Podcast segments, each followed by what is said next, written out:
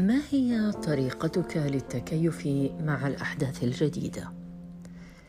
في حياتي مثلا أتنقل كل سنوات من سنة إلى أخرى إلى مكان عمل جديد.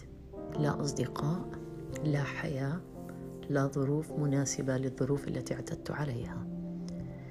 ما هي ال coping mechanism التي تتبعها لتكون حياتك وحياتك أفضل؟ أو على الأقل لا تشعرين بالوحدة والعزلة القاتلة. بالنسبة لي فإنني أبدأ بخلق ذلك اليقين والاعتقاد بأنني سأواجه نوعا من الوحدة.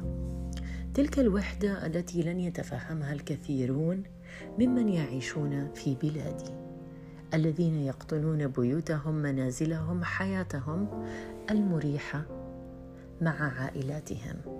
هم لا يخضعون أنفسهم بتاتا إلى أي تحديات جديدة يفضلون منطقة الراحة. عملي هو من فرض علي أن أخرج من منطقة الراحة هذه وأنا ممتنة جدا لهذه الحياة. ولكن لكي نستطيع أن نخلق حالات من التكيف مع الأوضاع الجديدة التي تشعرنا بأننا لسنا وحيدين أو معزولين عن العالم هو أن نبدأ بالعلم بأن كل تجربة جديدة فيها صعوبات في البداية. ومن هذه النقطة نستطيع أن نبدأ بوضع الكثير من الآليات التي ستجعلنا أقل وحدة. كأن نعرف أنفسنا أكثر أو نحب أنفسنا أكثر.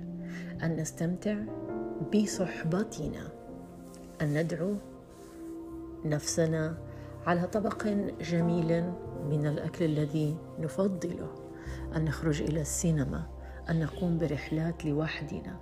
أن نقوم بتسلق الجبال لوحدنا. أن نقوم بعمل الأشياء فقط لوحدنا. ومع الوقت ستلاحظ بأن مجموعات متشابهة من تفكيرك ستبدأ بالدخول إلى حياتك. ولكن احذر دائما أن تختار الأفضل من هؤلاء. صباح الخير.